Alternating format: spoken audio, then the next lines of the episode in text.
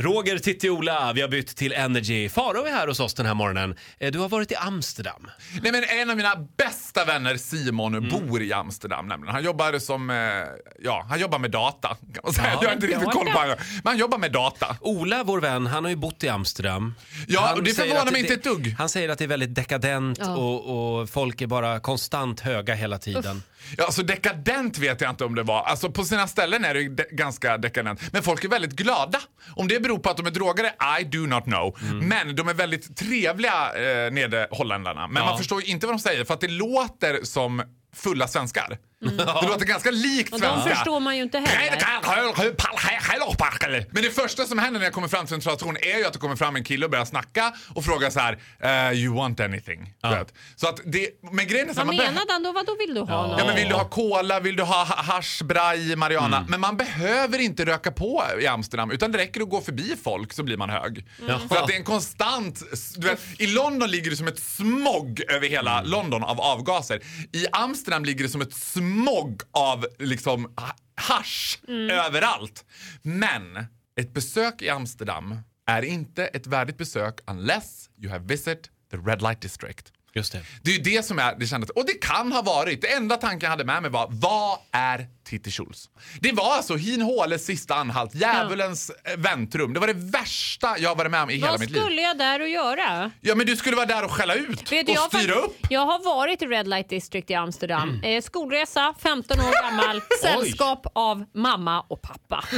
var, det Vi- papp- var det vi- pappas initiativ? Nej, vi vek nog runt ett hörn och vi var alla tre tämligen omtumlade innan vi hade hittat därifrån. Ja, men man är omtumlad. För det första så triggar det min nyfikenhet till tusen. För själva upplägget är då så här. Det står tjejer som är assnygga i vad som ser ut att vara ungefär lite som en telefon... Ja, men Inte alla. Ja, men det finns någon, en och annan Mm. kommod. En, annan, en och annan tvättmöbel med, möbel med luckor.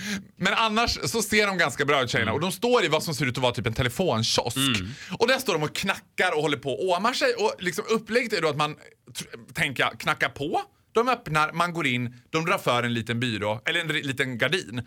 Och sen får man göra någonting där bak med dem. I Mm. Det, det assume. får man nog göra om man betalar. Ja, men grejen är ju det att i och med att det här har blivit sån jäkla turistattraktion så är det ju som att gå på Kiviks marknad Ja. mer än att gå i något så här sexuellt laddat horkvarter i Tyskland. Jag Det har är- också svårt att tänka mig att det kan, det kan ju inte vara upphetsande. Nej men fy fan! Alltså det var fruktansvärt! Det var ju bara horder av engelsmän som hade svensexa och som gick och skrattade och fulla och skrålade och där ska de där säga så. Jag var så sugen på att gå in och bara se vad, vad gör de? Hej, liksom? jag betalar för att få prata en stund. Vet du, du hade förmodligen gjort hennes kväll. Nej, jag tror att de tycker att det är de absolut sjukaste jävlarna. De här som kommer in och bara Can I just only hold your hand? Nej, men inte gå in där och ha någon terapistund och jag blev slagen av min pappa när jag var liten. Inte så. Nej men jag är ju Utan- nyfiken. Jag skulle fråga så här. Jaha hej tjejer, hur ser prisbilden ut? Ja, men det är ju Vad- det jag menar. Kan jag få se på en meny?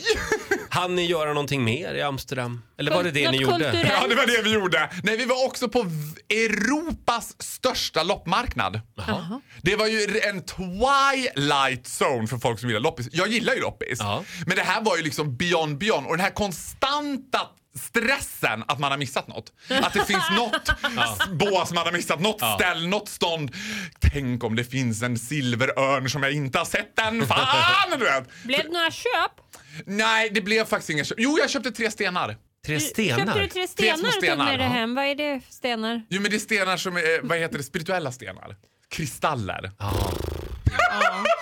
Nu börjar det spåra ur känner jag. Okej. Det var fina kristaller Ah. som jag köpte i Amsterdam. Mamma, Still high on life.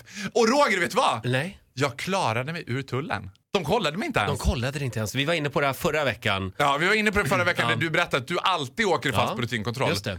Titti åker fast om man åker till mel- me- Medelhavet. Men, Mellanöstern, trodde jag Mellanöstern. skulle säga. Jag bara, Medelhavet. Tack så mycket för den här morgonen. Eh, Tack själv! Välkommen tillbaka senare den här veckan, om du vill. Ja, gärna! Ja. Du får en applåd av oss. Ja, Eh, hej då! Farao!